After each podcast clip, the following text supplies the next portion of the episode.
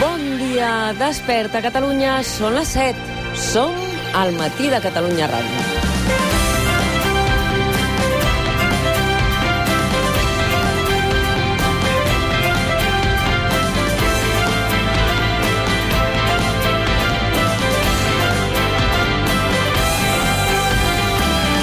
Si us pensàveu que acabaríem aquesta temporada només parlant de saraus judicials del rei emèrit Joan Carles I, doncs no. Ahir, precisament, el jutge instructor del cas Pujol, que ho feia des del 2012, el jutge José de la Mata, a l'Audiència Nacional, va demanar que tota la família Pujol siguin jutjats per organització criminal. En parlarem a primera hora amb Ernesto Kaiser. Però la preocupació extrema ara és l'increment de casos de Covid-19 a Barcelona, a l'àrea metropolitana, també a Saragossa. Aquest divendres escoltarem, com sempre intentem fer, veus diverses que ens ajudaran a entendre què es pot fer per tirar endavant. Ajuntarem en una mateixa taula, després de parlar amb el doctor Trilla d'aquí mitja hora, amb ell mateix, el doctor Bonaventura Clotet, a Francina Alzina, presidenta de la taula del tercer sector, a Carme Trilla, presidenta de l'Observatori de l'Habitatge de Barcelona, perquè sabeu que en l'àmbit de l'habitatge plou sobre mullat, i el catedràtic d'Economia de la Universitat Pompeu Fabra, que és expert en finançament de salut, Guillem López Casasnovas. De què parlarem? Doncs de lluites compartides. Quines? La ciència i la investigació per recuperar la nostra salut? La justícia social? La lluita contra la desigualtat i aconseguir uns serveis públics de qualitat. Aquestes són lluites compartides. Jo m'estimo molt aquestes dues paraules, lluitar i compartir. Imprescindible que vagin juntes totes dues.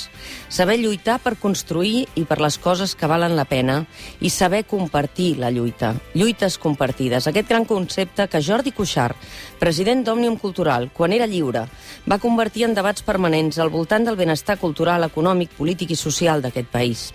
Avui, quan surti de la presó en tercer grau, acompanyat d'Oriol Junqueras, de Raül Romeva, de Jordi Turull, de Josep Rull, de Joaquim Forn, de Jordi Sánchez i des de Puig de les Basses, Dolors Bassa i des de Batràs, Carme Forcadell. Avui, a dos quarts de nou, Jordi Cuixart serà aquí amb nosaltres. Algú a qui hem sentit en missatges gravats, però amb qui fa tres anys que no hem pogut conversar. Sabeu que l'entrevista és el gènere que més m'agrada del periodisme i fer-ho amb ell avui serà un regal bonic per tancar una etapa.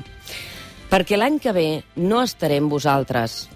Hauran estat set anys intensos que hauré compartit amb un equip de treball excepcional, humana i professionalment, que en diverses etapes han construït amb mi el matí de Catalunya Ràdio, del primer a la última. Gràcies de tot cor. Sabeu que us admiro i que gràcies a aquesta nostra lluita compartida hem arribat fins aquí. Però he decidit posar punt final a aquesta etapa de la meva vida professional no per raons personals, no per raons familiars, ni perquè estigui cansada, ni perquè els horaris se'ns mengin la vida, perquè a totes les feines, les que feu vosaltres que m'esteu sentint, segur que hi deixeu el cap, el cos i el cor.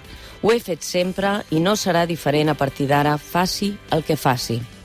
He decidit deixar el matí de Catalunya Ràdio, perquè crec que els engranatges d'una màquina tan exigent com aquesta no es poden permetre cap grinyol, i menys ara, i els engranatges grinyolen. Estic convençuda que la direcció de Catalunya Ràdio trobarà una nova enginyera o enginyer que facin rotllar aquest meravellós motor com ells volen. És una decisió que no ha estat fàcil, perquè el que hem viscut aquests set anys deixa empremta i algunes cicatrius emocionals i professionals que m'enduc i grans dosis de resiliència i de paciència.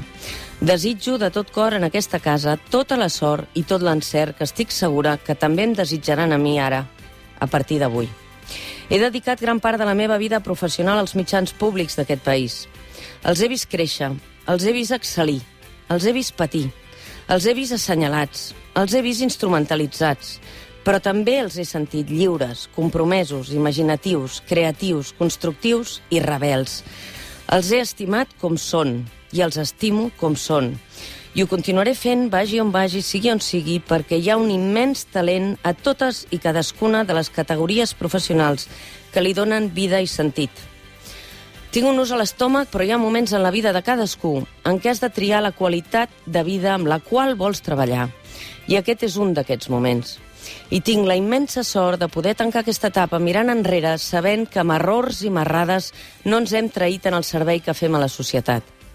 Sé que hem aconseguit escoltar-nos enmig de les circumstàncies més dures i més extremes que li ha tocat viure aquest país d'ençà de la dictadura. Demano disculpes a la gent d'aquesta ràdio meravellosa per no haver-ho sabut fer millor. I a vosaltres, per qui treballo sempre, la nostra societat. Gràcies per despertar-nos mútuament a banda i banda d'aquest micròfon amb les inquietuds, debilitats, oportunitats, fortaleses, desigualtats i somnis, els aconseguits i els que encara han d'arribar. Cada dia us he desitjat que passés el que passés fos un bon dia. I avui us he de dir que passi el que passi, sigueu on sigueu, i sigui jo on sigui, cuideu-vos, cuideu-vos molt, cuidem-nos tots, perquè al final del camí el que haurem après d'aquesta vulnerabilitat que ara sentim, tan fonda, tan dura, és amb qui volem compartir la pell, el bes, les abraçades i el temps que ens quedi per viure.